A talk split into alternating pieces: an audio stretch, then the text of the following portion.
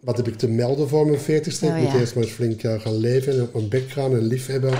En afgewezen worden en heel veel verdriet hebben en liggen janken. En zeggen van nou god dat ik het leven niet snap en eh, alle wanhoop eh, doorlopen. En, en, en toen kwam ik echt in een soort van pedofiel circuit terecht van... ehm, ja, het zijn ook bekende mensen, ik ga uw namen nu niet noemen, Nee. maar ze zijn echt wel bekend, ook in Nederland. Eh, die dan echt ja, gewoon elkaar jongetjes, zoals ik, doorschoven.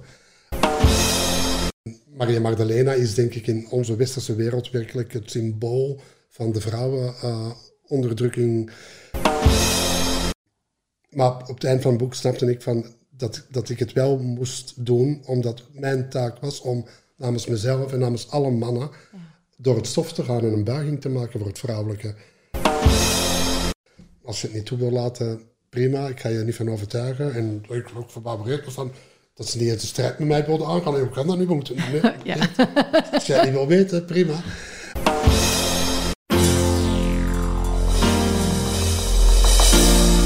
Welkom. Dit is de podcast To Master Your Life nummer 202.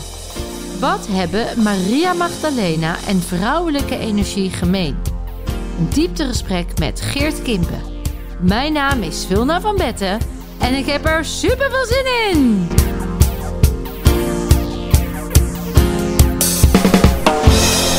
Hallo lieve dames en mensen. Vandaag weer een potpodcast met niemand minder dan Geert Kimpen.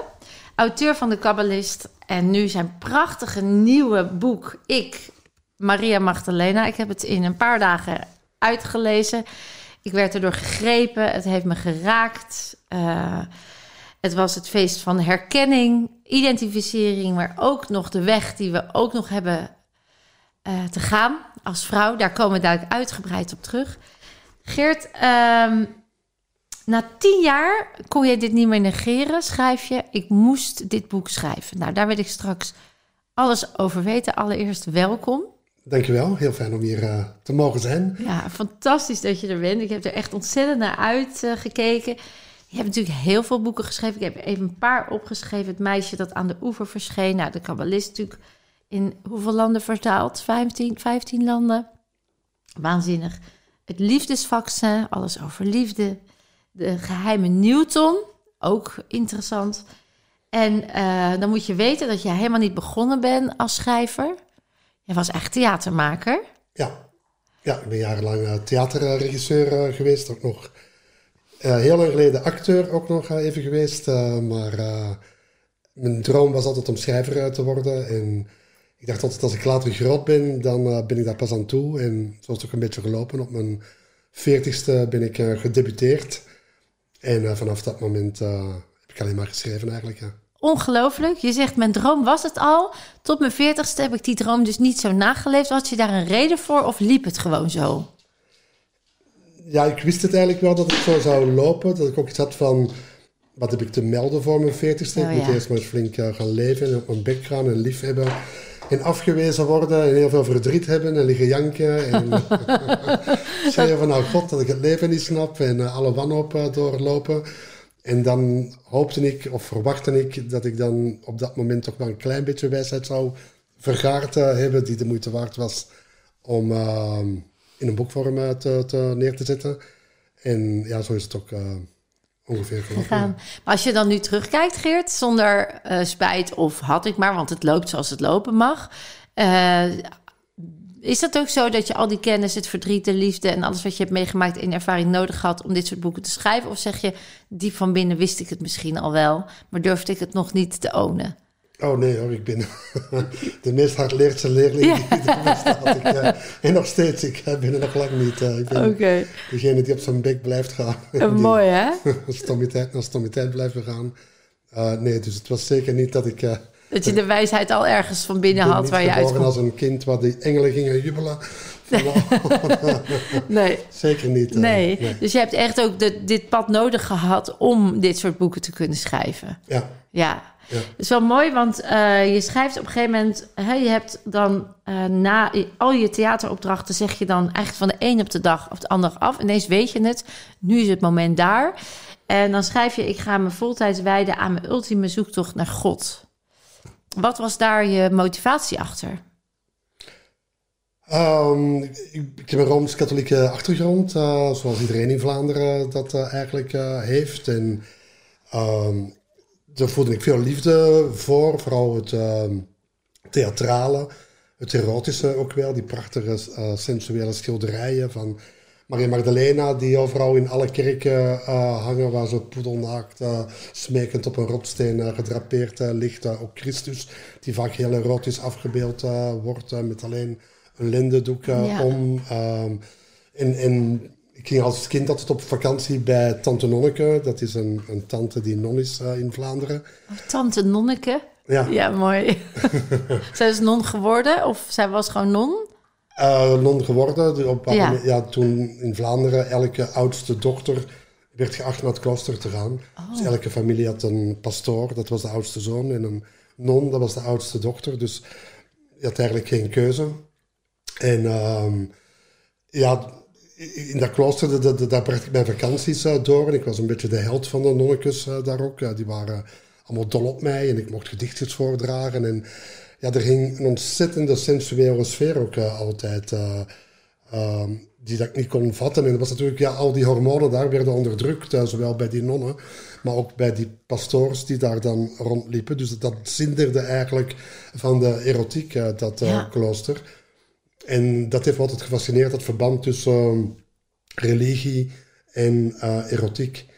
Ehm, maar dat ja, dogmatische katholiek, waarbij eigenlijk net dat uh, de heteroseksuele volledig onderdrukt wordt, het vrouwelijke volledig onderdrukt wordt. Ehm, dat heb ik uiteraard op een bepaald moment achter mij gelaten. En ja, toen ben ik mijn zoektocht begonnen. Van, van, ik voelde dat ik wel iets nodig had, dat, dat, dat er kosmische wetten moesten zijn, dat, dat het universum bestuurd werd door een bepaald soort intelligentie.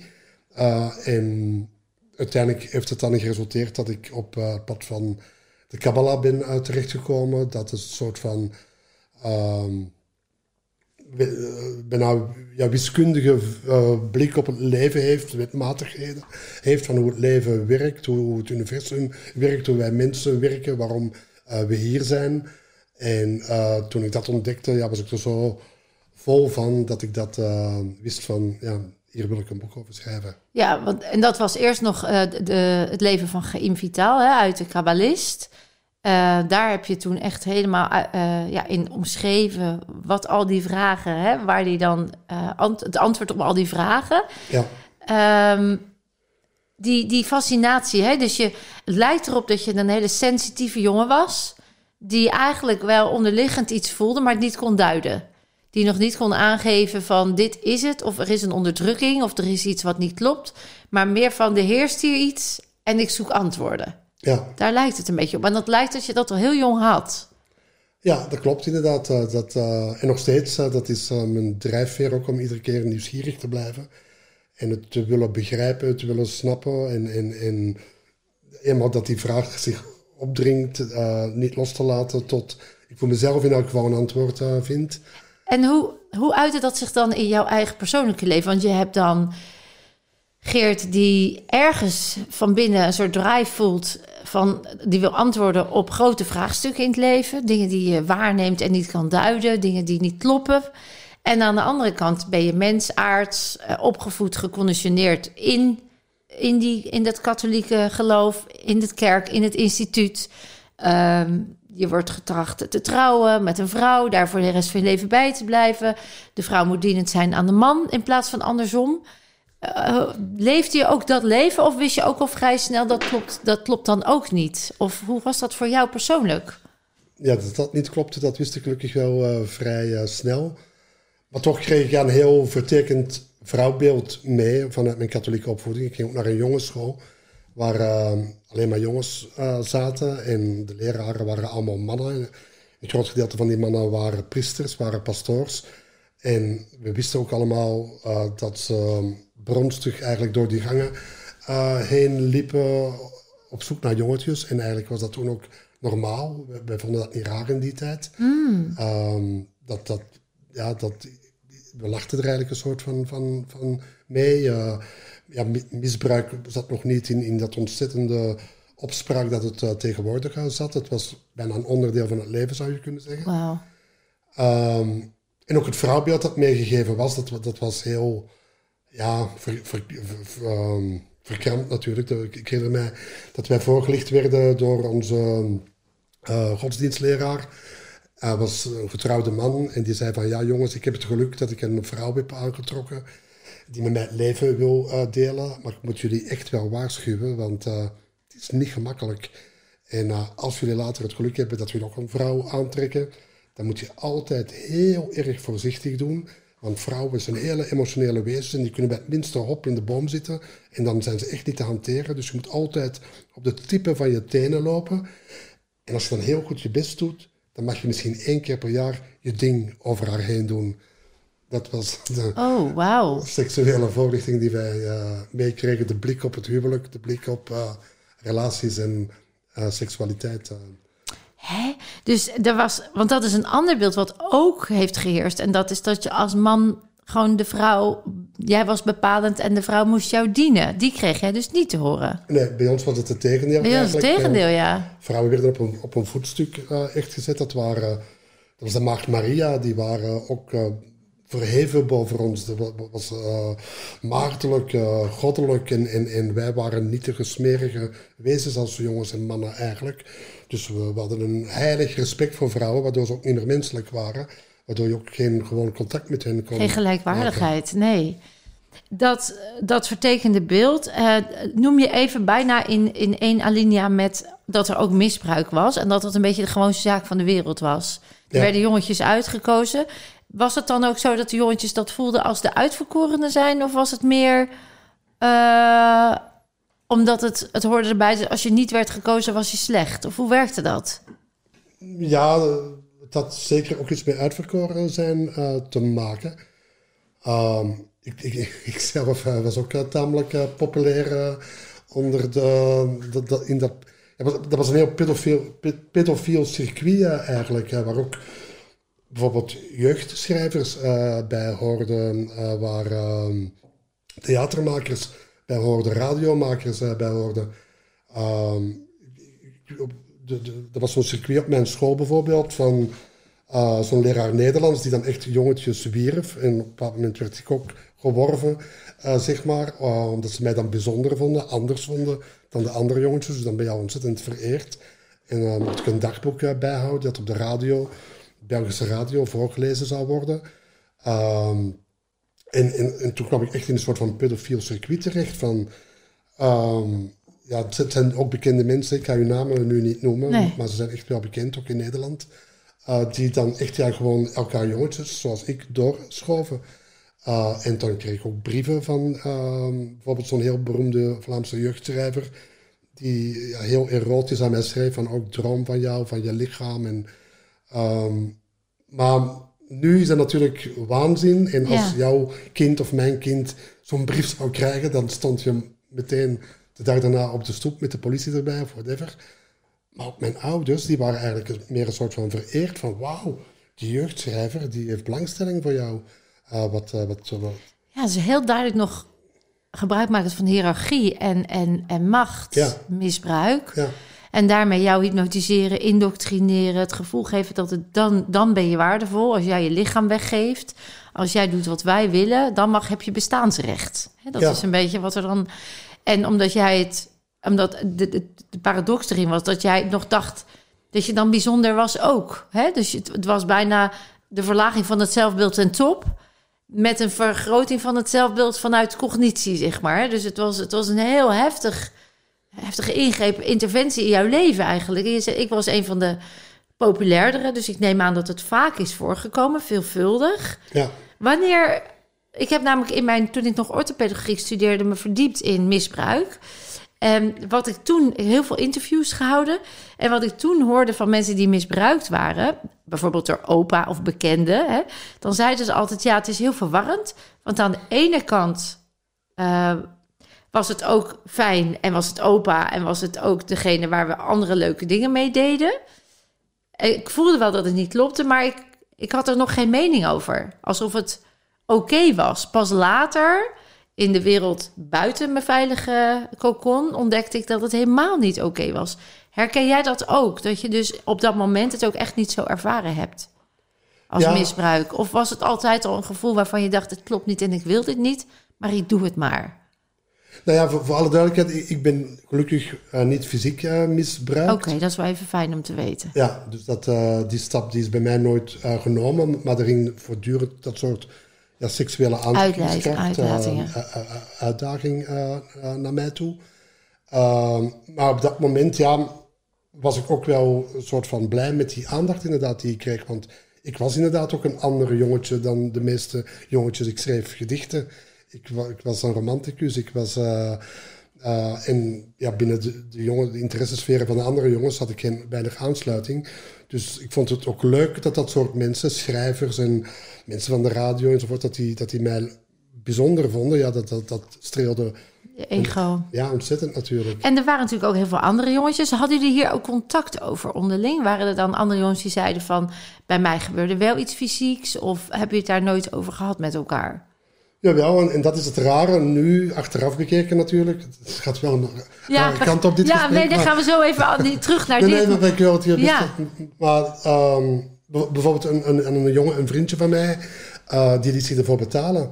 Die, Ah. die, had, die, die had er een soort eh, handeltje van gemaakt.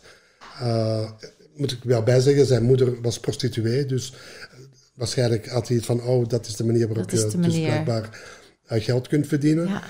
En die had er toen in elk geval ook niet echt problemen mee. Integendeel, ja, hij had er een leuk eh, eh, zakcent eh, dat hij er eh, aan overhield. Maar dus het, het, het, het leek allemaal heel normaal, Normaal. toen. Het was niet echt vreemd. Ja. Ook bij Tante Nonneke, er was een ouder, ouderlingentehuis waar zij, waar in, in dat klooster. En er zat ook een aantal mannen die dan achter mij aan zaten. Of dat ik in de tv-kamer zat en dat zo'n oude man dan ineens tussen mijn benen Ja. begon uit eh, te schreeuwen. Maar dan zei ik dat ook gewoon tegen tante Nonneke. En dan wist zij het op een of andere diplomatische manier toch wel weer op te lossen. Dat die man dan zijn rolstoel verder eh, gezet werd eh, de volgende keren. Er werd allemaal niet zo'n toestand van, van eh, gemaakt. maar het was natuurlijk wel bizar. Machtsuitverhouding, hè? gewoon uit ongelijkwaardigheid. Brengt toch het loopje, want het lijkt even een rare wending te krijgen... een andere wending dan waar we het over zouden hebben. Toch niet helemaal, want eh, jij zegt dus op een gegeven moment... ik ga mijn zoektocht naar God. Oftewel, dat wat mij geleerd is en wat ik heb meegemaakt... klopt dat wel met de origine? Klopt dat wel met het goddelijke waar we het misschien... wat ooit bedoeld was? Dat, dat, dat ik er een beetje uit te halen. Dat dat jouw reden van... eh, jouw diepste drive was van al die ervaringen die ik heb gehad, vanuit Tante Nonneke tot het klooster zelf, eh, de jongetjes die werden voorgedragen, noem het maar. Daar moet iets anders zijn, daar moet iets meer zijn. Dat is denk ik dan de, die ervaringen hebben daartoe bijgedragen. Ja, dus dat, dat je niet het kind met het badwater wilt eh, weggooien. Je zou ook daardoor kunnen zeggen van alles wat met eh, spiritualiteit en religie en God en dat is allemaal verdorven en slecht. En, en, maar dat heb ik nooit gehad. Ik heb altijd eh, de nieuwsgierigheid gehad van waar gaat het dan wel echt om? Ja, Wat is dan wel de waarde ervan, het geschenk eh, ervan, de mystiek eh, ervan? Ehm, en dat ja, is nog steeds mijn passie. En mijn, mooi. Ja, ik vind het ook super interessant. En dan komt er tien jaar geleden, zegt jouw uitgever, die laat jou een contract ondertekenen. Waarin jij zegt, eh, waarin je eigenlijk afspreekt, ik ga een boek schrijven over Maria Magdalena. Jouw uitgever op een gegeven moment verdwijnt uit het zicht. Eh je hebt eigenlijk ook niet meer, je bent er niet meer mee bezig. Het komt af en toe eens langs, maar het heeft geen prioriteit. Je schrijft andere mooie dingen. En dan zegt jouw partner, eh Michelle Shanti, die zegt ineens, nadat zij zelf een soort ingeving, visioenachtig iets ontvangt, van je hebt je belofte niet nagekomen. En dan eh, komt dat gevoel weer terug. Dat is dat boek. En dat leg je nog steeds even opzij. Zo van ja, dat ga ik ook niet meer doen. Hè? Een beetje weerstand. En een week later belt jouw uitgever, die oude uitgever. Oh, hè, valt het je toe of is het toeval? En die zegt: Joh, we vinden nog een oud contract. En daar staat dat en dat nog in. En dat is dan voor jou het moment dat je weet: ja, ik moet, ik ga. Toch? Heb ik het goed samengevat? Dat is heel goed samengevat, eh, inderdaad. eh, ja. ja. Ja, de, de, eh, Michelle die heeft de motor eh, eh, in gang gezet, de herinnering in het hier en nu getrokken. Maar ik heb altijd de neiging gehad om dat dan toch altijd een beetje... Ik neem haar altijd heel erg serieus. Behalve als het over mij gaat eigenlijk. Haar visioenen en haar inzichten vind ik allemaal fantastisch. als het over mij gaat, dan heb ik er altijd een van, ah, zal dat wel? En niet echt binnen te laten, tot het meestal dan altijd door het leven zelf op een andere manier bevestigd wordt. Waardoor ik altijd door het stof moet en haar gelijk moet geven. Grappig, heel herkenbaar ook met mijn uh, partner. Hoe verklaar jij dat, uh, Geert? Dat, dat dat toch zo kennelijk... Ik wil het niet algemeniseren, maar ik denk dat veel vrouwen herkennen... dat ze dingen aanvoelen, al zien, al weten. En dat een man dan eerst nog soort overtuigd moet worden. Of aan mijn lijf geen polonaise of laat maar. Hè, dat, die reactie, eh, die herken ik ook in mijn eigen huwelijk. Uh, dat heeft echt wel uh, 25 jaar geduurd voordat bij hem ook een soort spiritualiteitsontwikkeling kwam. En hij toestond bij zichzelf. Heb jij daar een. Want in het boek wordt dat mij dus eigenlijk wel duidelijk. Hè? Dat op het moment dat, dat Jezus wederop staat en hij Maria Magdalena wegduwt is eigenlijk de ultieme metafoor voor het onderdrukken van de vrouw. Jouw verhaal doet er niet meer toe. Jij moet je als man gaan verkleden nu en jij moet niks meer met wie jij ooit was hè, mogen uitdragen. Ja. Ik vind dat eigenlijk de metafoor voor de mannelijkheid die daar verstoord neigt te raken. Zeg ik dat goed? Zeker, ja. ja. Heb ik dat goed begrepen uit het boek? Ja. Is dat ook de verklaring waarom dat dan daarna, zo'n 2000 jaar later al ruim, uh, nog steeds leeft? Of was het daarvoor ook al? Het was daarvoor ook al. Ehm, al bijna duizend jaar was het toen al dat, dat eigenlijk het uh, patriarchaat ontzettend uh, um, de overhand uh, had. dat is gaandeweg meer en meer geworden. Van, eerst werd in de tempel van Jeruzalem bijvoorbeeld nog wel echt de moedergodin aanbeden. En een heleboel tempelpriesteressen die daar nog actief waren. En dat het vrouwelijke en het mannelijke toch nog een soort van periodes had dat het daar gelijk opging. Maar gaandeweg werd het toch meer en meer uh, onderdrukt. En Maria Magdalena is denk ik in onze westerse wereld werkelijk het symbool van de vrouwenonderdrukking uh, geweest. Van, van uh, de vrouw wiens kennis we niet mochten kennen, de vrouw wiens aanwezigheid überhaupt gebagatelliseerd werd en als al benoemd werd als prostituee benoemd werd. Uh, omdat seksualiteit een belangrijk onderwerp van haar was. En ehm, ja, wat, wat die scène die je net beschrijft, dat ze inderdaad als man verkleed zijn leer moest gaan verkondigen. Ja. Ja, dat, dat is ook letterlijk uit de geschriften. Dat is niet iets wat ik uh, bedacht heb. Nee. dus dat is uh, vrij schokkend. Ja, want dit boek is eigenlijk gebaseerd op heel veel onderzoek, research die je hebt daarover hebt gedaan. Je hebt ook heel veel dingen gevonden die nog helemaal niet bekend waren. Uh, tot, tot in, op plekken waarvan je dacht dat kan bijna helemaal niet. En toch door verder onderzoek te doen, zag je haar levensreis. Je hebt eigenlijk haar leven gevolgd. Je hebt eigenlijk haar leven beschreven in dit boek. Uh, vanaf het moment dat Jezus overlijdt. Hè? Want uh, daarvoor, dat is vrij bekend. Ja. Um, nou is het even interessant. Zij is de kleindochter van Cleopatra. En Cleopatra was natuurlijk nog een, een, een, een koningin. Een, een, een, een priesteres. Um, die op een gegeven moment zichzelf aanbiedt aan, als ik het goed zeg, Nero of Caesar. Ik zeg het niet goed. Um, zowel met Caesar als met Nero. Met, uh, nee, hoe heet de andere? Ja, al die, al die uh, ik ben even de naam Ja, ik ook, maar we, we bedoelen dezelfde. Ja. Die, en dan, dan op dat moment ruilt ze eigenlijk haar macht of haar kracht ook in. Um, dat is haar grootmoeder. Hè? Dat is de grootmoeder van Maria Magdalena, blijkt. Ergens verderop in het boek, en dat vind ik echt mega interessant. Um, na een hele lange tocht die ze aflegt, daar gaan we zo nog even op in. Maar uh, beschrijft ze dat uh, zij, zij komt steeds meer in haar pure ik. Hè, Maria Magdalena ontdekt dat zij niet haar eigen woord aan het verkondigen is, niet haar eigen stem meer laat horen, maar dat ze inderdaad in dienst van Jezus bijna het het adoreren van Jezus, dat dat haar zichzelf verwijderd heeft van wie ze werkelijk was. Ze voelt steeds meer, ik heb ook iets te brengen. Ik heb die vrouwelijkheid weer terug te brengen. Ik heb die gelijkwaardigheid weer terug te brengen. En dan uh, komt ze op het pad van de priesteressen en de druides. Ondertussen is de Romeinse onderdrukking aan de gang. Dus uh, heel veel oorlog, uh, leed, mannelijke kracht. Waar zij steeds weer een weg in vindt om, dat, om daar niet te zijn. Dus daarom is haar reis ook zo interessant. En dan komt ze bij de, de Keltische krachten, de, de, de druides. Ehm, hoe was dat? Wat, wat even voor de mensen die dit voor het eerst horen, die misschien een oordeel hebben over geloof of over het instituut. Dit gaat niet over het geloof, dit gaat niet over het instituut. Dit gaat over wezenlijke mensen die hebben bestaan in een tijd waarvan alles aan de hand was, waar heel veel bewijsmateriaal voor is dat ze hebben bestaan, maar waar een verhaal omheen is gekomen wat vertekend is. En waar een instituut omheen is gekomen op basis van macht en niet meer op basis van kracht. Ja. En jij ontkracht eigenlijk het, het sprookje wat eromheen is verzonnen, of het, het verhaal wat eromheen is gemaakt, wat vanuit macht is gebeurd en vanuit angst voor het vrouwelijke. In dit boek laat je aan de hand van feitelijk materiaal zien uh, hoe dat in die tijdgeest is gegaan. En hoe Maria in die tijdsgeest zo krachtig heeft kunnen blijven, is natuurlijk wonderbaarlijk. Maar dan komt ze op het pad van de druides en zij ontdekt dat haar oma, Cleopatra, ook nog uh, verwekt is uit een van de druides of uit de priesteressen. Die heeft dus nog die goddelijke kracht. En dat dat ook waarschijnlijk is waarom zij dat ook nog heeft. Ja.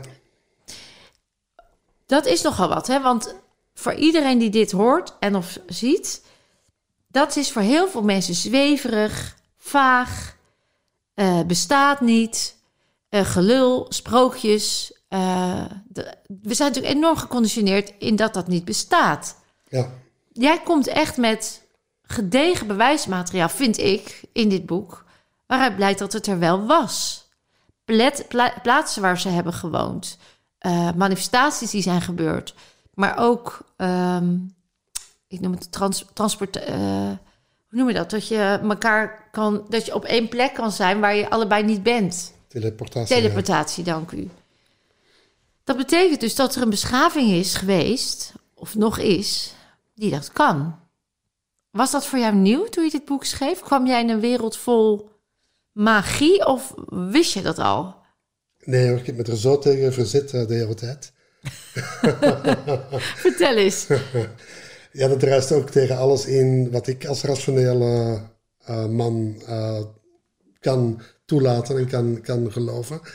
Uh, dus, en, en Michelle die pushte me iedere keer om verder te zoeken en verder te graven. Ik zei, nu moet je ophouden, dit, dit gaat me echt... En daar kwam ze weer mee iets en ik zei, dit kan niet Michelle, dit is echt onzin, dit, dit bestaat niet. En dan, omdat ik haar toch serieus nam, ging ik altijd verder graven en, en ik moest dan toch bronnen hebben voordat ik het kon toelaten. En dacht ik van, shit, ze heeft gelijk gewoon, het staat er gewoon. Er zijn verhalen over bekend, er is kennis over bekend. Dit is geen onzin. En, en, en dat is wat we het net ook even over hadden voordat we in deze opname gingen. Dat jij ook zei van dat jij herinnert het je ook technieken die bijvoorbeeld in dit boek staan, die doe jij al. Ja. Die zitten in jouw tempo als, als vrouw, in jouw DNA. Die zijn al ontwaakt in jouw bekken, de wijsheid van jouw bekken. Uh, en ik heb er zo'n enorme bewondering en respect voor. En dan in mijn geval uiteraard in de figuur van mijn vrouw, van, van Michelle, hoeveel, hoeveel wijsheid dat in die vrouw zit. Maar het is ook heel wat om dat als man toe te laten, want ik wil er ook wel iets naast uh, kunnen zetten als, als, als man. Ik wil, ik wil niet de man zijn die de hele tijd in overga van, oh schatje, jij weet het allemaal en ik volg jou. nee, ik wil ook mijn ding daarin. Dus het is ook een gevecht de hele tijd om het toe te laten, maar dat maakt haar ook weer overtuigder en doet haar ook meer zakken in haar vrouw zijn. En doet mij ehm, landen in mijn mannelijke kracht. Dus het versterkt elkaar ook. Maar ik weet vanuit jouw boek wat, wat voor prachtig werk dat, dat, dat jij ook doet. Ook van, vanuit op een heel ander level met heling bezig zijn, met, met uh, gezondheid bezig zijn, met de kracht en het mysterie van het lichaam bezig zijn. Uh, die kennis is er allemaal en we leven in een wonderlijke tijd dat het ook herinnerd wordt en dat je niet meer op de brandstapel uh, gezet wordt, want ja, paar honderd jaar geleden had, had je hier niet in dit mooie huis gezeten. En weet je wat nou zo grappig is, Geert? Dat terwijl je dit zegt, ik had als kind een fascinatie voor Jeanne d'Arc. Uh, allemaal vrouwen die natuurlijk opkwamen voor hun recht of voor. En Jeanne d'Arc heeft natuurlijk echt wel in die mannelijkheid gestapt, omdat ze vond dat het onrecht was. Dus dat is misschien niet een goed voorbeeld, maar wel het onrecht wat de vrouw is aangedaan. Het moeten vechten voor hun plek, zichzelf moeten bewijzen. Ik had een fascinatie voor heksen, voor ketterij.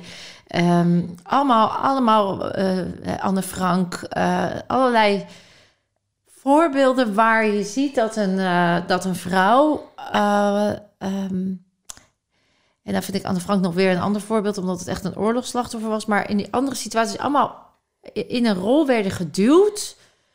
doordat ze niet tot hun recht konden komen in de maatschappij zoals die was. En ik zal je eerlijk zeggen dat ik dat ook heb ervaren hier als vrouw in deze westerse maatschappij, waarbij ik een route koos waar heel vaak de mannen nog de overhand hadden. Veel coaches, sprekers waren mannelijke sprekers, stonden op het podium als ik dan aangaf, hè, ik gaf je even het voorbeeld dat ik eh, twintig jaar geleden bij Tony Robbins was. Uh, dat was voor mij toen helemaal woehoe, want de kracht van de gedachte en je kan veel meer dan je denkt. Hè. Dat was natuurlijk ook heel powerful. Ik dacht ook gelijk op dat moment, waarom staat er geen vrouw op het podium? Laat mij dan die vrouw zijn, laat mij die vrouwelijke kracht daar neerzetten. Maar daarvoor heb ik heel lang mannelijke kracht in moeten zetten om überhaupt ruimte te kunnen geven aan die vrouwelijke kracht, om gezien te worden en gehoord te worden. Ja. En dat, dat herken ik wel. En nu, nu ik zelf steeds meer gedaald ben in die vrouwelijke kracht, en dus twintig jaar later weer eens naar Tony ging, omdat ik ooit de belofte had gemaakt: als mijn kinderen zo oud zijn, moeten ze dit meemaken.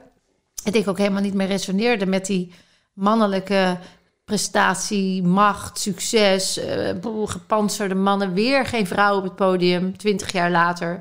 Dat ik dacht, in die evolutie zijn we helemaal niet gestapt waar het nodig is dat er juist veel meer balans komt. Dus waar ik toen nog hoopte ooit daar te staan, voelde ik nu, dat is niet meer mijn plek. Hè? Dat, ehm, dus in die zin herkende ik ook veel in het boek. Dat gaf ik je ook even aan, dat ik me kon identificeren met de, de tocht die Maria maakt en we zijn 2000 jaar verder.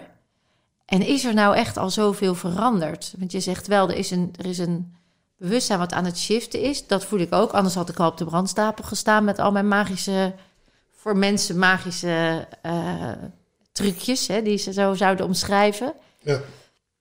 Vind je dat we in een beweging zitten waar het echt gaat veranderen? Het gaat wel veranderen, maar het is nog lang niet zo ver. En het begint en dat is ook de reden, ben ik pas helemaal op het eind van het boek uh, achtergekomen, waarom ik voelde dat... Ik wilde dit boek eigenlijk helemaal niet schrijven als man. Ik had, het, het is ook mijn, mijn, plek niet om dat te doen. Wie ben ik in godsnaam als man om over dat, deze vrouw te gaan uh, schrijven? Um, maar op het eind van het boek snapte ik van dat, dat ik het wel moest doen, omdat mijn taak was om namens mezelf en namens alle mannen door het stof te gaan en een buiging te maken voor het vrouwelijke en haar die plek te geven, die ruimte uh, te maken, uh, opzij te gaan staan en, en, en ehm, haar te faciliteren in, in haar wijsheid. Omdat die onderdrukking van mannen gedurende duizenden jaren. Het is heel makkelijk om, om die aan inquisiteurs toe te schrijven, aan kerkvaders, aan allemaal slechte grote mannen. Maar daar schieten we niks mee op, zolang we niet als man naar onszelf daarin kijken en dat heeft dit boek ook mij geleerd, ook in, in mijn relatie met Michelle. Van, uh, ik, heb ook haar heel vaak niet serieus genomen in haar vrouwelijke wijsheid, met haar tegen verzet. Me, uh, van het kan niet en, vanuit mijn mannelijke verwaandheid uh, over gediscussieerd. Maar, maar iedere keer heeft zij vanuit haar rustige kracht van, jij bekijk het maar, ik weet zeker dat het zo is. Als je het niet toe wil laten, prima, ik ga je er niet van overtuigen. En ik ook verbaasd van, dat ze niet eens de strijd met mij wilden aangaan. Hoe kan dat nu? We moeten niet meer. ja. Als jij niet wil weten, prima. Ja. En, en maar mijn lot overgelaten, ook letterlijk. Ze heeft me ook alleen op pad gestuurd. Terwijl we deden normaal alle researchreizen samen. Dus heb ik, kijk het maar, ik, ik ga niet met zo'n vent mee die zich de hele tijd verzet. Ga je het zelf maar doen. Ja. En dat ik zelf in die kathedraal in Frankrijk ineens het gevoelstuk moest gaan onderzoeken dat zij altijd voor mij deed. Want ik besteedde mijn gevoel aan haar uit. Zij ging op al die plekken voelen en dan gaf ze me daarna prachtige inzichten, en visioenen en beelden. Nu moest ik het zelf. Ik dacht, dat kan ik toch helemaal niet. Hoe, hoe moet ik dat doen? Maar daardoor is het ook wel ontwikkeld en ook wel uh, gebeurd. En ben ik er eeuwig dankbaar voor dat ze me alleen op pad heeft gestuurd. Maar zolang ik dat in mezelf niet erken, dat onderdrukkende mechanisme dat ook in mij zit, uh, zal er niks veranderen. En dat is denk ik uh, waarom ik dit boek moest schrijven, om het voor mezelf te erkennen, om hopelijk andere mannen uh, daarin mee te nemen van kijk eens naar jezelf. Niet dat we uh, onszelf niet op de brandstapel moeten zetten, maar, maar gewoon van oké, okay, wat klopt er niet? Hoe, hoe, kan ik op een andere manier met mijn vrouw omgaan? Hoe kan ik haar... Um... Het beste in haar naar boven laten komen en het beste in mezelf. Ja. Dat vind ik echt boeiend, prachtig. Want ik, dat, dat schrijf je ook aan het einde van je boek. Ik, ik heb het uh, volgens mij zelfs open liggen. Um, don't shoot the messenger, zei Michelle dan tegen je, hè, als jij dan in weerstand ging. Ze liet me met het geworstel. Ik was boos en opstandig en zij trok zich terug in haar eigen wereld. Ze was uitgeput van, van strijden met me. Tegen het eind van het langdurige schrijfproces, schrijfproces zei Michelle dat ze heel sterk voelde dat we nog naar Engeland moesten. Dat, dan opnieuw verzette ik me. En dan ga je uiteindelijk toch, hè, dan, dan komt dat. En dan op een gegeven moment schrijf je: Dit boek heeft veel gekost. Het mannelijke in mij heeft een vurige strijd geleverd met het vrouwelijke in haar. Ik heb het geschreven, maar haar ziel heeft me de weg gewezen. Prachtig. Ik wou dat ik kon schrijven dat het boek me ten diepste veranderd heeft. Dat ik nu een man ben die zich vanuit zijn mannelijke kracht kan overgeven aan de vrouwelijke wijsheid. Ik weet dat ik hardleers ben. Ik zal mezelf niet op mijn borst kloppen. Hoogstens heb ik bewustzijn gekregen op het oude, ingebakken patroon van mannelijke dominantie in mezelf. Ik erken het. Ik ben nog niet Meerdin en Maximus, laat staan Jezus. Ik ben Geert. En ik heb mijn uiterste best gedaan om het mij gegeven talent in te zetten om het vrouwelijke te eren. Om Maria Magdalena een stem te geven. Haar verhaal zo goed mogelijk op te schrijven. Mijn ego verzette zich. Mijn ziel was wijzer. Het is mijn schuldbekentenis voor alle onrecht dat ik zelf en met mij miljoenen mannen in de loop der geschiedenis vrouwen heb aangedaan. En het raakt me oprecht als ik het hardop voorlees. Het spijt me tot in het diepst van mijn man zijn. Wij mannen dragen niet alleen de collectieve verantwoordelijkheid hiervoor, maar het zit ook in onszelf. Het hoe vrouwvriendelijk we ook van onszelf denken te zijn, er is nog veel werk te doen. Ja, het raakt me weer, ook toen ik het de eerste keer las. Ik zei tegen jou, ik kan mij in dit bewustzijn niet in dit leven niet bewust herinneren dat ik ooit te maken heb gehad met een vorm van misbruik. Ik kan me wel voelen in mijn lijf dat het ooit zo is geweest. Ja. En ik denk dat dat ook is waarom het me zo raakt, waarom ik me er ook zo mee kan identificeren. Ik denk dat dat dan een collectief bewustzijn is. Um, en jouw nederigheid, jouw spijt, zonder dat het over schuld gaat, is een enorme erkenning. En dat vind ik zo prachtig. Dat is zo'n prachtige stap naar gelijkwaardigheid.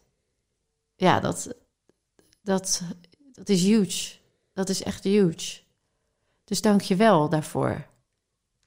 Ja, dank je wel daarvoor. Wat ik nog daarover wilde vragen is dat um, op een gegeven moment, um, je vertelde net, eigenlijk kreeg jij een vertekend beeld van de vrouw. Het beeld was dat jij haar op een troon moest zetten. En um, als je geluk had, mocht je één keer per maand. Per jaar. Excuus. Mocht je er overheen. Hè?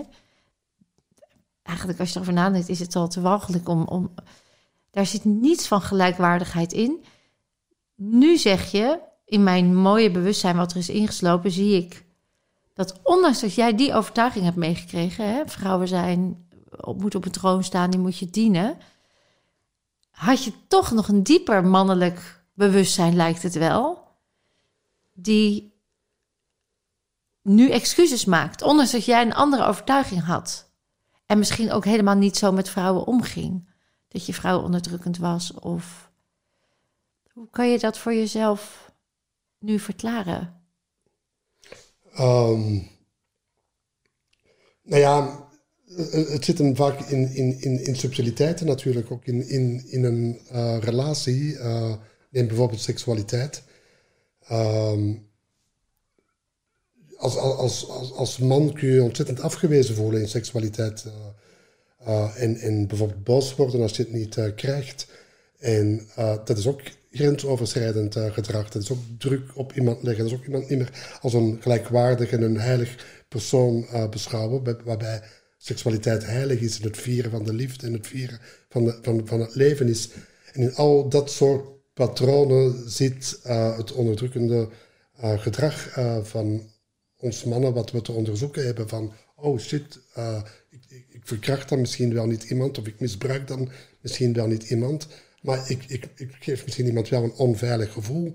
Ik uh, maak misschien iemand wel oncomfortabel. Of, ik drink mezelf op, of ik ja. ga te snel, of ik ben niet in aanwezigheid met haar. Ja, ja de, de, het gebeurt niet van, vanuit een goddelijke beleving, het, het, het, het maken van de liefde. Uh, maar vanuit een, een, een, behoeftigheid, vanuit een lust, lust uh, uh, weinig respectvol be bevredigen van mijn geslachtsdrift. En het is allemaal menselijk en we, we, hoeven ons er ook niet voor van, oh wat zijn we slechte wezens, wij mannen, wat ik in mijn jeugd heb meegekregen. Maar wel er licht op laten schijnen van hoe, hoe, kan ik daar beter mee omgaan en hoe kan ik respectvoller daarmee omgaan en hoe kan ik haar eren en, en, en, en, en, en... Hoe kan zij mij welkom heten? Ja. Want als je... Um, het gaat helemaal niet over dat een man niet lust mag hebben. Het gaat erom, ga je, hoe ga je met die verleiding om? Doe je dat nog in verbinding met jezelf en de ander? Of doe je het uit verbinding, omdat jij anders je behoefte niet bevredigd krijgt? Omdat jij de wond van afwijzing niet aan kan. Ja. En als je die niet aan kan, dan word je egoïstisch, dan wordt het verstoord, dan wordt het onderdrukkend, lustig. Ja. Uh, en dan voelt een vrouw zich niet in verbinding. En dat is de wond van de vrouw. Hè? Dat is de vrouwelijke wond, de wond van verbinding. En dan raakt er verwijdering. Terwijl als je in verbinding elkaar vindt, dan gaat het ook niet om het klaarkomen. Dan gaat het om de samensmelting, het, het versterken van elkaars energie. Ja. En anders wordt het traumadumping, zeg ik wel eens. Hè? Dan gaan we elkaars trauma's in elkaar zitten eh, gooien, omdat er geen verbinding is. Ja, precies. Ja. Dat is bijna heel gevaarlijk zelfs. Ja. Dus een man mag gewoon lust hebben. Dat lijkt me niet meer dan logisch. Alleen er zijn andere manieren om met die lust om te gaan dan een vrouw als gebruiksvoorwerp op dat moment te, te zien of te gebruiken. Hè? Dat is eigenlijk wat je volgens mij ook zei. Ja, ja inderdaad. Ja. Ja. En, en hoe dat dat ook gewoon vaak onbewust een, een, soort van verworven recht dan lijkt als je een relatie hebt. Dat net in, in een relatie eigenlijk dat... Uh, en, en daardoor, omdat het dan ook liefde is, dat het dan veel subtieler ook is. En maar daardoor misschien ook wel grensoverschrijdender. Ik herinner me, toen ik Michelle nog maar net kende, dat we de eerste keer uh, samen op reis zouden uh, gaan. Um, had, ik ontzettend uitgepakt. Ik had een fantastisch resort in Malta uitgezocht, een Ayurvedisch resort, prachtige kamer, elke dag massages, alles wat je maar wilde. Uh, maar het was de eerste keer dat Michelle als alleenstaande moeder uh, haar kinderen achter zou laten en met mij op reis zou gaan. En ze wilde weten, waar gaan we naartoe? En ik had iets van, ja, maar dat wil ik niet vertellen. Ik heb echt fantastische verrassing voor jou bereid. En maar zei het, het echt weten, want ik ben bang, ik ga mijn kinderen voor het eerst alleen laten en dat voelt onveilig. En dat werd echt een soort van strijd, dat ik, dat, ik mijn verrassing niet wilde weggeven. Dat zij het absoluut wilde weten, omdat ze haar kinderen anders niet alleen uh, kon laten. En dus uiteindelijk zei ik heel boos van, ja oké, we gaan dit doen. Gewoon een hele verrassing voelde over We kregen een ontzettende uh, ruzie. Um, en die hele week, die eigenlijk vanuit ongelooflijk veel liefde bedoeld was, is een nachtmerrie geworden. Ja. Ze heeft zich de hele week onveilig gevoeld vanuit mijn bosheid.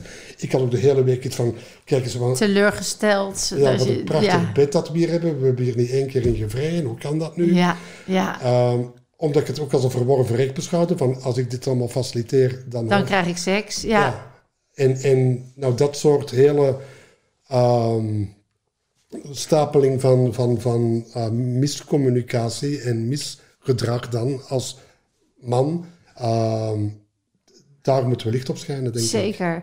Ja, en het is ook zo mooi dat je het aankijkt. Op een gegeven moment vind ik een van de mooie metaforen in dit boek... is dat Maria die geeft op een gegeven moment aan... Uh, dat zij echt een vrijdenker is. Zij, zij gunt eigenlijk iedereen alle liefde. Zij is niet van hebzucht. Zij is zij, uh, zij is natuurlijk helemaal in, uh, houdt van, van Jezus. Heeft daar uh, een speciale band mee. De apostelen, zelfs de mannelijke apostelen, zijn jaloers op haar. die vinden dat irritant, dat hij haar verkiest boven de rest. Ehm, en dan uiteindelijk wordt, ontmoet zij een stel, wat ook heel erg in een, in een vindtocht is in die mannelijke en vrouwelijke energie bij elkaar. Sifra en Nu. Nico. Nic, Nic, Nicola, Nicola Medius. Zo, ja, ja, het zijn altijd wel boeiende namen, uit die oudheid. En dan, uh, hij is inderdaad de man die heel erg jaloers is. En, en die vrouw, Sifra, die, die, uh, ja, die, heeft, die, die vindt hem te geweldig, maar dat stuk niet in hem. En da daar wordt prachtig uitgelegd waar dat voor staat. En op een gegeven moment gaat Maria, wat dus ook haar woord is, uitleggen wat, waar die vrouwelijkheid nou voor staat. En die seksualiteit en noem het maar. En daar, dat, dat gaat bij hem aan, maar ook weer een andere kant op. Want hij denkt, oh, dus je mag altijd overal met iedereen. In plaats van, liefde is er om te delen. En als het voelt, dan kan dat. En als het niet voelt, is dat ook goed. Niet wat de norm van de kerk heeft opgelegd hoe het moet, maar zij zegt gewoon, er is geen norm. Het gaat over liefde. En vind daar je weg in, zolang het maar gelijkwaardig blijft. En hij uh, schiet dan dus een ander stuk van zijn ego. Hè? De jaloezie verdwijnt voor lust. Dus dat, dat breekt ook weer op. Maar uh, op een gegeven moment wil ze dat ook aantonen... dat Sifra, die gunt hem dan ook andere vrouwen. En dan uh, initieert Sifra eigenlijk een, een sensuele avond... waarbij Maria meegenomen wordt. En, en hij ook denkt, zo, dat is interessant. En wil dan ook met Maria vrijen. Dat, dat, dat, dat zou dan een, een ultieme teken van liefde zijn van Sifra voor hem ook. En hij begint sensueel, maar hij eigenlijk vrij snel grijpt hij naar haar uh, schaamstreek. Gekke naam eigenlijk, schaamstreek. Dat het al schaamstreek is, is al raar. Maar naar haar uh, genitalie, naar haar vagina. En dat is ook het moment waarop uh, eigenlijk Maria gelijk dichtslaat. En zegt van, nee, nee, dit is geen act van love, maar dit is gewoon lust dat is niet waar we het over hebben. Dus zij zegt dan ook, ik stop hier. En um, dat vind ik ook weer zo'n mooie metafoor... waar veel vrouwen dan niet nee durven te zeggen... of een stem niet kunnen laten horen. Zo zie ik dus ook de stem van Maria. De stem van Maria is jouw ware, pure essentie... die durft uit te komen voor haar grens. Die durft te zeggen, dit voelt onveilig.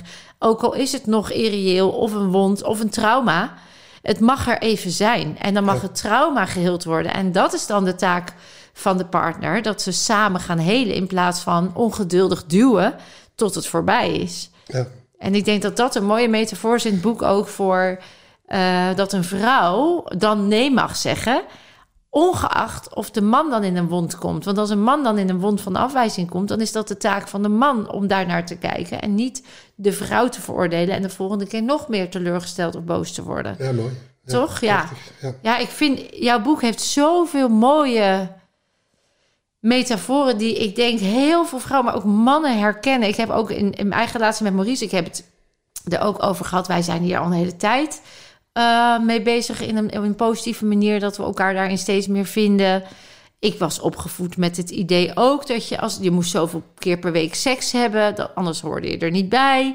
Er waren ook momenten, zeker vlak na de bevalling, dat ik dacht, poef, ik moet er niet aan denken. Maar ja, anders zou het voor hem zo lullig zijn, dus ik doe het maar. Ja, ja het is ook bijna onaardig naar de man toe als ik erover nadenk. He, dus ik, ik, heb ook iets gaan wat niet eerlijk is naar hem. Dat verdient een man ook. Ja. Die mag ook dan, je mag ook als vrouw zeggen: Het is niets tegen jou. Mijn lichaam kan je nu even niet welkom heten. Ja. En, dat, en daar wil ik samen met jou weer aan werken. Ja. Nou, dat, dat kon ik nog helemaal niet. Hè, 20 jaar of ruim 20 jaar geleden. Nee. Dus dat zijn denk ik allemaal bewustzijnsprocessen die Maria heel erg inzichtelijk maakt in jouw boek. Ja. Dat vind ik echt prachtig. En met name omdat, ja, wat je zegt, jij als man hebt het geschreven. Dat zou niet uh, logisch lijken tot het einde inderdaad, waarin je dat zo mooi uh, beschrijft. Als jij nu terugkijkt op dit mooie proces, hè, je zegt het heeft veel gekost, het boek schrijven. Wat heeft het opgeleverd? um, nou ja, Michelle en ik zijn, zijn door alle lagen van het man-vrouw thema uh, met elkaar. Uh, ook op het punt gestaan van... Je stopt we, het. We redden het niet, het is te veel, het is te heftig, het doet te veel pijn. We doen elkaar te veel pijn. Um, um, Dus wat, wat het, het gevoel, het is, het is de better of the sexes die wij blijkbaar met dit boek moeten uitvechten om dan hopelijk een geschenk te mogen zijn uh, voor andere mensen die het dan uiteindelijk gaan lezen. Maar dat we voelden van, dit gevecht is eigenlijk te heftig voor twee mensen om te dragen. Het houdt eigenlijk niet op. Um, um, dat is misschien een beetje een rare wending van het gesprek, maar vorige week heeft uh, Michelle te horen gekregen dat ze borstkanker heeft. Ach. En um, dat haar borst eraf moet. Um, en dat heeft ook nog met dit boek te maken volgens mij. En, het ultieme vrouwelijke, Ja. dat geraakt wordt. Um, en dat doet natuurlijk met mij, los van...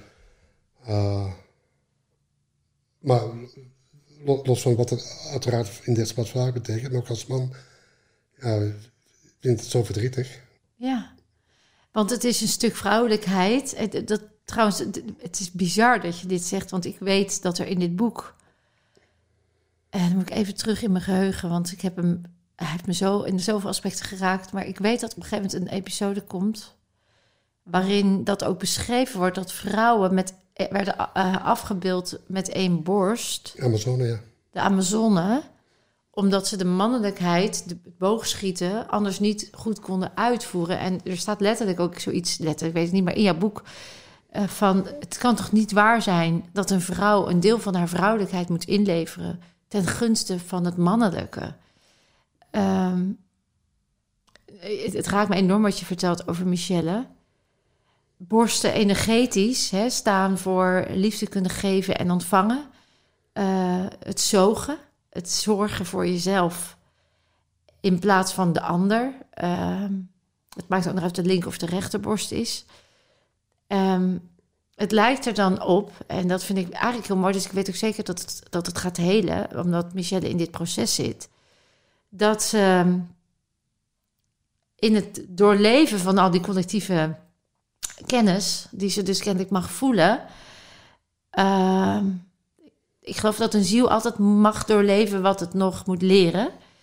Ehm, dat zij zo dichtbij deze oudheid staat, dat, ze, ehm, dat zij nu mag gaan doorbreken. Dat je jezelf dus niet hoeft weg te cijferen. Dat je dus niet, ehm, waar ze al in zat in het proces met het boek, hè, niet ten, ten dienste van dat ze jou niet hoeft te overtuigen, dat ze de volledige vrouwelijke energie in de overgave flow mag omarmen, ook ter hoogte van de borsten.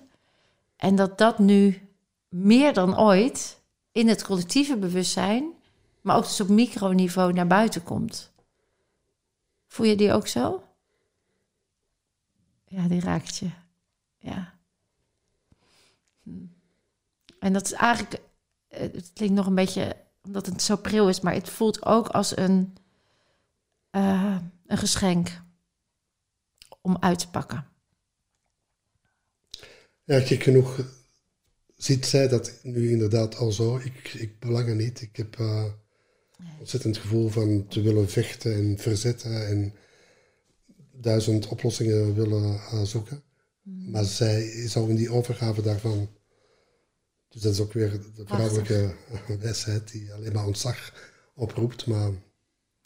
Ja, het is, kijk, als ik jou hoor, dan, um, dan zit daar ook nog een stukje angst voor verlies in. Wie ben ik zonder? Wie ben ik zonder? En die, die, dat is helemaal niet in wraken, want uh, het gaat zoals het moet gaan.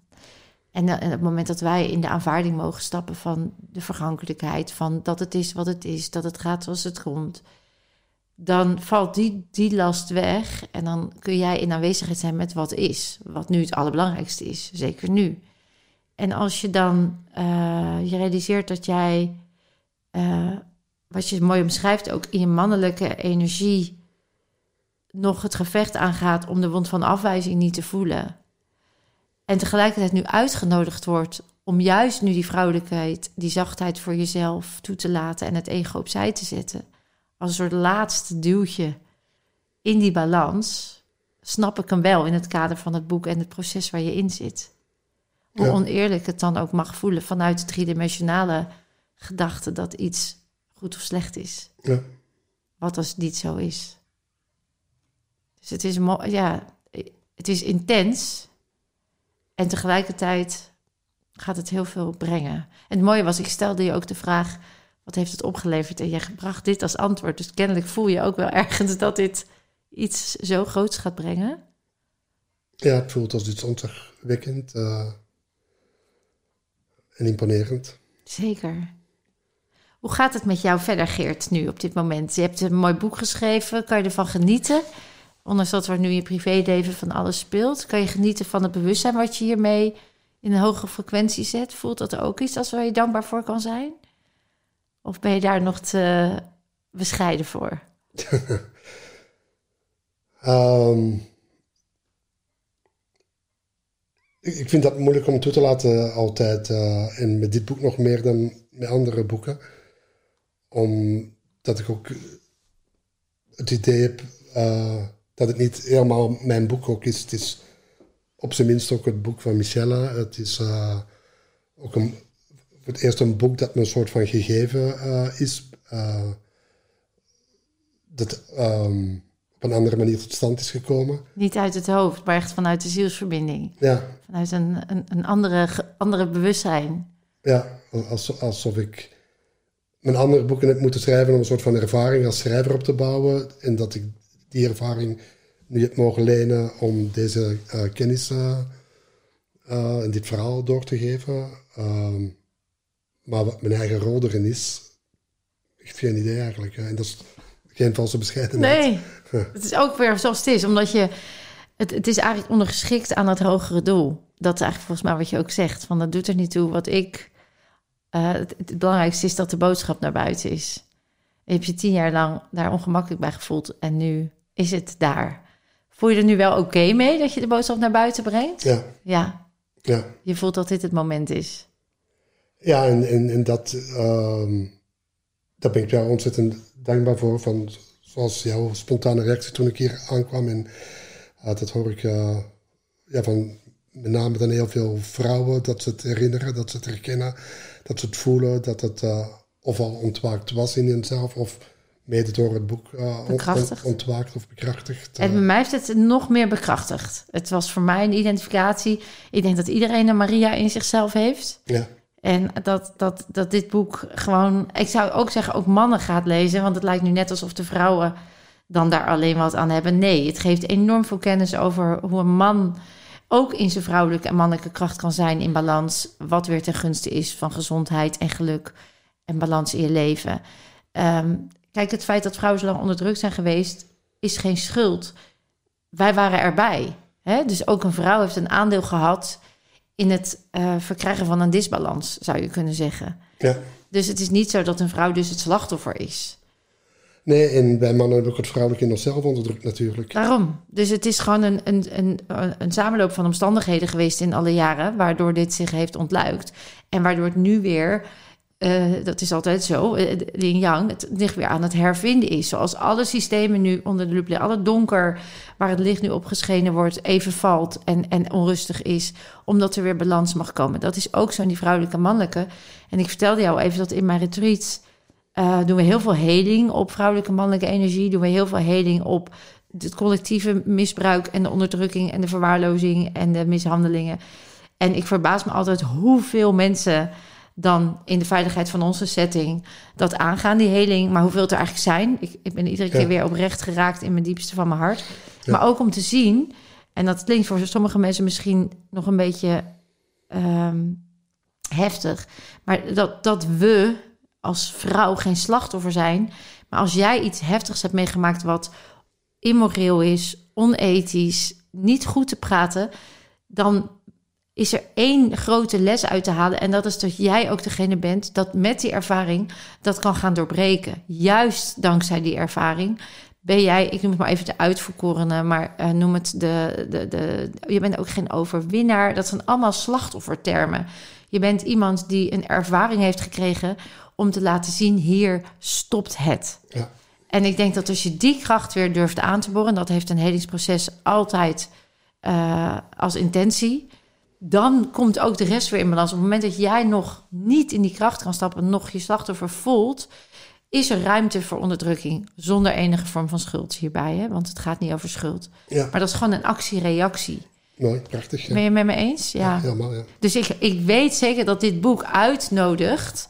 Maria Magdalena is zo krachtig. En komt zo bij zichzelf. En de manier waarop ze dat doet met contemplatie, meditatie, afzondering... hoeft helemaal niet jouw weg te zijn. Daar gaat het niet om. Het gaat erom dat jij je weg vindt waar jij je pure ik weer vindt. En haar weg is, een, is een, voor mij een waanzinnige metafoor geweest... voor nog meer durven zijn, nog meer mijn ware stem laten horen in relatie tot mijn partner, maar vooral in relatie tot mezelf, mijn omgeving, eigenlijk met iedereen. Hè, dus het heeft niet alleen maar met je partner te maken. ja. Dus ja, ik, ehm, ik ben erg onder de indruk van je mooie boek. En ik, ik wil echt iedereen die dit hoort of ziet, eh, als het voelt, ga hem alsjeblieft lezen. Want ehm, het brengt zoveel. Het brengt zoveel. En ehm, we gaan natuurlijk heel veel mooie liefde en heling eh, ook vanuit die kracht jouw kant op sturen. Want dat is natuurlijk wel eh, fijn hè, als dat nu ook weer geheeld mag worden, wat zich nu aandient. Ik heb altijd nog een stukje dat heet veelzijdig. Heel even heel anders. Hup, even een breakstate. Eh dan ga ik je keuzestress geven, lieve Geert. Ik ga twee keuzes eh, benoemen en jij moet even kiezen. En dan gaan we straks, mag je nog even iets toelichten of, eh, of, of, of niet, wat je dan voelt. Zullen we, zullen we daarin gaan? Nou, daar gaat hij hoor. God of het goddelijke? Goddelijke. Uiteraard, dacht ik al. Maria of Maria Magdalena? Maria Magdalena. Vrouwelijk of mannelijk? Vrouwelijk. Aards of multidimensionaal? Ehm multidimensionaal. Ik, kan het, het lukt net om het te zeggen. Eh, spiritueel of down to earth?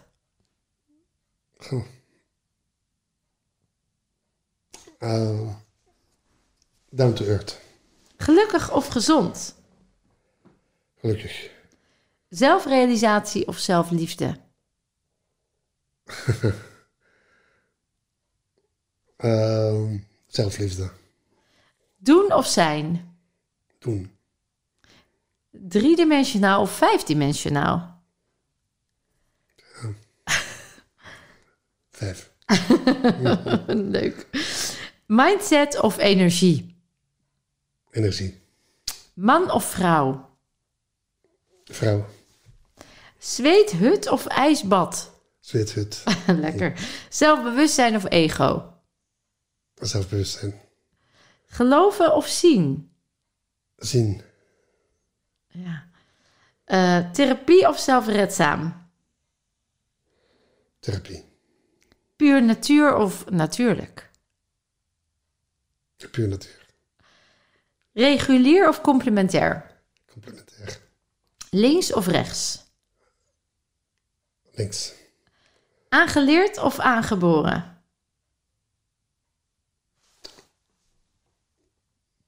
Ehm, aangeleerd. Toeval of manifestatie? Manifestatie. Ja of nee? Ja. Hartstikke ja. Viel mee? Moeilijk? Er zaten een paar tussen dat je denkt... Oh, ik zou je bleef hangen even bij eh aards of multidimensionaal. Wat gebeurde er in jou op dat moment? Ehm, ja, multidimensionaal vind ik moeilijk te, te, te vatten, moeilijk te, me, me toe te eigenen. Ehm, en dan denk ik van, ja, mijn lot is dan blijkbaar om arts te zijn. Ja, ja, ja, ja, ja oké.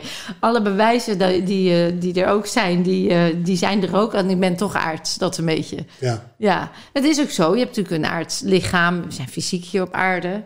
En ondertussen zijn er krachten waar je misschien nog niet helemaal bij kan... maar waarvan je weet dat ze bestaan. Dus ik snapte wel jouw, eh, jouw twijfel. Toch koos je voor multidimensionaal. Dus dat vond ik wel grappig. ja om, omdat het, het is wel zo aanwezig in mijn leven dat het niet weg te denken valt, maar het voelt nog iets van dat het niet helemaal bij mij hoort. Dat het eh, zeg maar bij jullie hoort, de spirituele Ja, ja, ja. leraren, de coaches, de therapeuten. Ja, ja, Uh, ja. dat jullie daar allemaal uh, de technieken en alles voor weten. Ik ben de eenvoudige nar, de schrijver die dus nog een beetje dat wij-zij gevoel. Terwijl uiteindelijk is het natuurlijk allemaal gewoon één. En Jezus was ook een man die eh, Ja, met zijn handen mensen hielde en zo. zeker ja. ja. Dus of het nou echt bij vrouwen wordt, weet ik niet. Waren de druides nou voornamelijk vrouwen? Weet jij dat? Nee, het was eh, gelijkwaardig. Was gelijkwaardig, hè? Ja. En op een gegeven moment eh, eh, las ik ook je boek dat, maar dan moeten mensen echt zelf gaan lezen, want er is zoveel moois te lezen. Dat het bij de vrouwen dan uiteindelijk met de seksualiteit ook een, een hele vaardigheid is om het klaarkommoment, zeg maar, niet te toe te laten, maar die energie die normaal naar buiten zou lekken, dan te gebruiken naar binnen toe, waardoor je meer in contact komt met het universum. Hè? Ja, Dat is ook iets wat die druides heel erg... Die konden op een gegeven moment zichzelf dus dan bevruchten met licht. ja, Geloof je dat? ja, zeker. Dat is wel heel erg eh, multidimensionaal, als je nu zegt, hè, voor een aardse man. Ja, daar ben ik van overtuigd geraakt. Ja. Ja, grappig hè? Ja. Ja, want daar heb je ook dus echt bewijzen voor gevonden. Ja, Echt zo interessant hè? ja, Het is een beetje wat nu, eh, er is een oefening die heet dan de pineal gland, dus de pijnappelklier. En als je dan met vanuit de bekkenbodem eh, eh, dat die, zeg maar, je visualiseert, je, je, je spant je bekkenbodem je houdt heel diep adem, je houdt dus alle licht en liefde naar binnen. En dan duw je als het ware die eerste drie chakras dicht en dan duw je de, de rest omhoog aan, van die energie. Dan verbind je dus met je pijnappelklier en dan eigenlijk activeer je dan het horizon-oog of je derde oog, waardoor je dus meteen contact kan maken met andere dimensies. Volgens mij is dat gewoon wat het, wat het ook is. dat is de alchemie van Horus. eh, Ja, toch? ja, ja. Leuk hè? Ik hou er zo van. Ehm, je had nog een, ehm, even kijken hoor, 3D of 5D. Toen koos je ook voor vijfdimensionaal. Toch wel? Ook? Het, het- zijn allemaal termen die ik met enige weerstand eh Omarm. omarm. Heel voorzichtig omarm. Ik moet ik zelf over mijn lippen kan gebruiken. maar- Als ik het zeg, dan zeg jij gewoon ja of nee. Zeg maar. Precies. En bij eh, vrouwelijk en vrouw, hè, koos je allebei vrouwelijk of mannelijk, man of vrouw, koos je allebei voor vrouwelijk en vrouw. Is dat omdat je zelf nu vol in die ontwikkeling zit? Dat je dat deel van jezelf meer toelaat? Of vind je dat de vrouw nu gewoon meer naar voren geschoven mag worden? Wat zit daarachter? D- daar, daar zit ehm, mijn zoektocht, mijn, mijn, mijn fascinatie, eh, eh, mijn thema. Eh, en tegelijkertijd kan het natuurlijk niet zonder het mannelijke. Nee. En dat laat ik ook meer en meer toe, want dat heb ik ook heel lang eigenlijk weggeschoven. Weggeduwd, ja. Maar het vertrekt bij mij wel vanuit de zoektocht naar het vrouwelijke. Mooi hoor. Mooi. Ehm, had je er zelf nog eentje waarvan je zegt, daar wil ik nog op terugkomen? Of was het verder wel...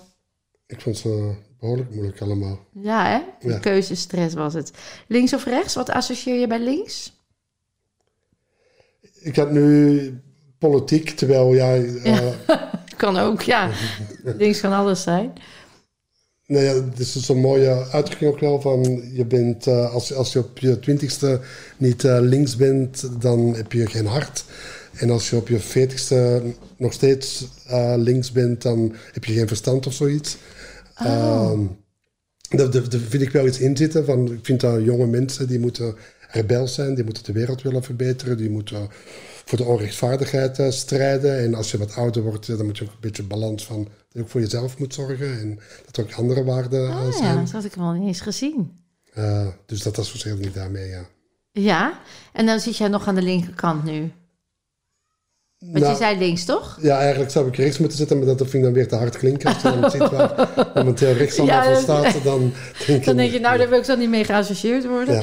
Oké, links staat natuurlijk ook weer voor het vrouwelijke. Dat is wel weer interessant. Oké. Ja, en rechts voor het mannelijke. Oh, dat heb ik daar niet meer geassocieerd. eh. Nee, dus daarom vond ik wel even leuk om nog even te checken. Waar zat hij bij jou, de associatie? En links gaat over het verleden, en rechts over de toekomst. Dus eh, vrouwelijke issues uit het verleden of issues met vrouwen uit het verleden. Hè? Dat is dan die linkerkant van je lichaam. Dus als daar klachten zijn, dan eh, heeft het vaak ook daarmee een link. Oké, Interessant, hè? ja, zeker. Heel interessant. Heel erg leuk ook. Eh, zeg nog als laatste, Geert. ik doe ook altijd een rubriek. En dat is één na laatste eigenlijk. Want als einde mag jij nog iets heel erg inspirerends. Nog meer wat je al hebt gedeeld. Nog iets geven. Maar Dr. Phil heet die. Dat is een beetje een, een grapje natuurlijk, Dr. Phil. Maar eh, als ik nu bij jou met mijn helende magische technieken aan de slag zou mogen. Een reset in je celgeheugen zou kunnen bewerkstelligen. Waar zou jij voor jou persoonlijk op dit moment in je leven graag meer balans ervaren of meer rust op hebben of meer nog in willen groeien of ontwikkelen. Oké. Nou ja, ik zou op dit moment een hele concrete vraag eh, voor jou eh, hebben dan. Ja, kom maar door. Ehm, ik, ik, ik heb eh, tot eh, drie weken geleden was ik een vervent roker. Ehm, daar ben ik mee gestopt nu drie weken. Eh, met een, Gefeliciteerd, goed. dankjewel. Met behulp van, van, van een medicijn, Ziban. Mhm. En ik heb het gevoel dat mijn hersenen gekaapt zijn. Ah, Dat, ehm, ja, de- oorspronkelijk is dat een antidepressivum, Ziban.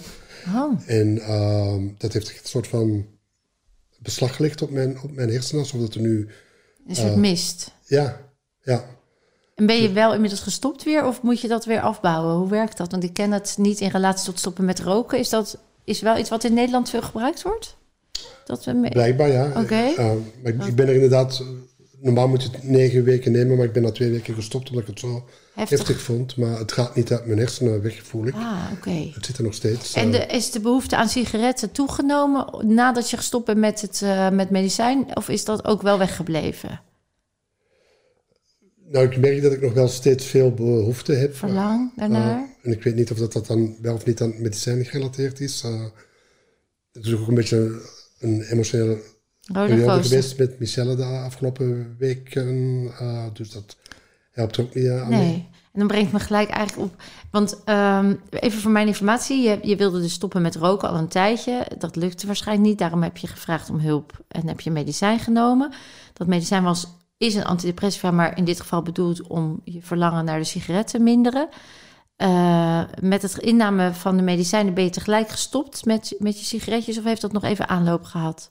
Ja, je moet één week op voorhand nemen en dan... eh, Eén week op voorhand. Toen merkte je al dat, het, dat de behoefte minder werd? Of merkte je helemaal geen verschil? Merkte je juist alleen maar die mist? die mist die is er langzaam ingekomen. En vanaf dat ik echt stopte bij roken, is die helemaal... ehm, Toegenomen. ja, En eh, na twee weken medi medicijngebruik, dus één week stoppen met roken, dacht je: dit voelt niet goed, dit stopt, hier ga ik mee stoppen. Eh, inmiddels heb je daarna wel weer gerookt. Ook met de emoties die je rondom Michelle hebt gehad. Heeft, heeft dat een, is dat een moment geweest waarop je je sigaretjes weer bent gaan pakken? de avond dat ik het hoorde, heb ik één sigaret gerookt. Ja, ja. En daarna niet meer. niet meer. Dus het is je. eh, en, maar de mist in je hoofd, dat is eigenlijk je concrete vraag, is dus daarna niet meer weggegaan. En we zijn nu vier weken verder vanaf het moment dat je het genomen hebt. Twee weken daarna ben je gestopt. Dus twee weken weer zonder. En je voelt dat die mist nog steeds niet optrekt. Ja, Ehm, op het moment dat jij stopte met die medicatie, was dat ook dezelfde week waarin je hoorde dat eh, het nare bericht van Michelle. eh, Kan je dat nog en toen was ik al een week gestopt eh, ermee. En toen was je een week gestopt en een week lang had je nog steeds die mist in de hoop dat dat minder zou worden. En het- daarna hoorde je ook nog eens dat bericht en het is niet minder geworden. Is het erger geworden na dat bericht of is het hetzelfde gebleven? Het is iets minder, denk ik, maar bij momenten voelt het ook echt als paniekaanvallen. Ik moest bijvoorbeeld vorige week eh, een lezing in België eh, geven. Ja, En eh, ja, ik ben echt wel gewend om lezingen te geven. Ik heb er Ja. honderde gegeven. Ik was zo bang. Ik was echt in pure paniek. Ik, ik wilde echt voor ik op moest weglopen gewoon. dat is echt een nieuwe, nieuwe ervaring. Ja, echt angsten die ik nog nooit gekend heb. Hmm. En dat, die, dat, dat, dus die, dat mistig in je hoofd, dat alsof je er niet bent. Alsof je niet helemaal aanwezig bent, klinkt het. Niet in jezelf. Alsof Ja, alsof je, mijn ziel ook een beetje is Ja. eruit gehaald. eh. Zo voelt het. Alsof je even niet meer terug in je kracht bent, maar ergens jezelf bent verloren ja, onderweg. En dus ook niet meer helder kan denken, niet meer helder kan zijn. ook niet gaan schrijven inderdaad. Nee, dat is een beetje de samenvatting. Ja. En jouw vraag is nu, eh, wat zou dat voor kunnen staan? En wat dien ik misschien, wat is onderliggend de oorzaak? Nee, ik mocht aan dokter Phil. Ja, je een, mocht eh, aan co- dokter Phil je- eh, Ja. voorleggen. Dus eh, Kom ik maar dacht, op. ik krijg mijn kans. eh. Ja, je hebt gelijk ook. Nou, wat ik meteen wil vragen is: ehm, herken jij dat je als jonger jongetje, als het eh, voor jou ehm, ging over moeten presteren of moeten voldoen of kwetsbaar mogen zijn, dus dat het ging over jou, dat je dan ook je ongemakkelijk voelde, gestrest, richting faalangst of willen vermijden? Herken je dat? Ja.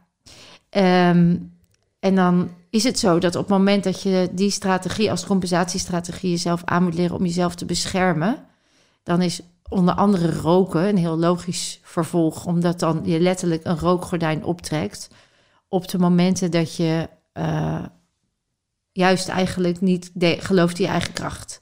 Dus het geeft je een soort houvast, het geeft je een soort steun. Je, je, hoeft even niet zichtbaar te zijn, het hoeft even niet om jou te gaan. Um, tegelijkertijd zuig je toxische lucht in je longen. En in je longen staan voor heel veel verdriet. Dus eigenlijk verbloem je, ver, vermist je het verdriet. En het verdriet wat niet gevoeld mag worden, dat wordt dan onderdrukt. En dat is het hartchakra. Dus dat gaat heel erg over zelfliefde. Dat gaat heel erg over mezelf kunnen zijn. Um, kwetsbaar mogen zijn. Durven vertrouwen op wie ik ben. Mijn stem laten horen. Nou, ik kan me voorstellen met wat jij hebt meegemaakt en de conditionering die erop is komen te liggen, dat jouw stem inderdaad niet zo belangrijk was. Dat je daardoor ook drama, toneel hebt opgezocht, theater als een uitingsvorm, bestaansrecht bijna. Als ik nou in een rol stap, dan mag ik bestaan. Als ik nou een masker opzet, dan word ik gezien en gehoord.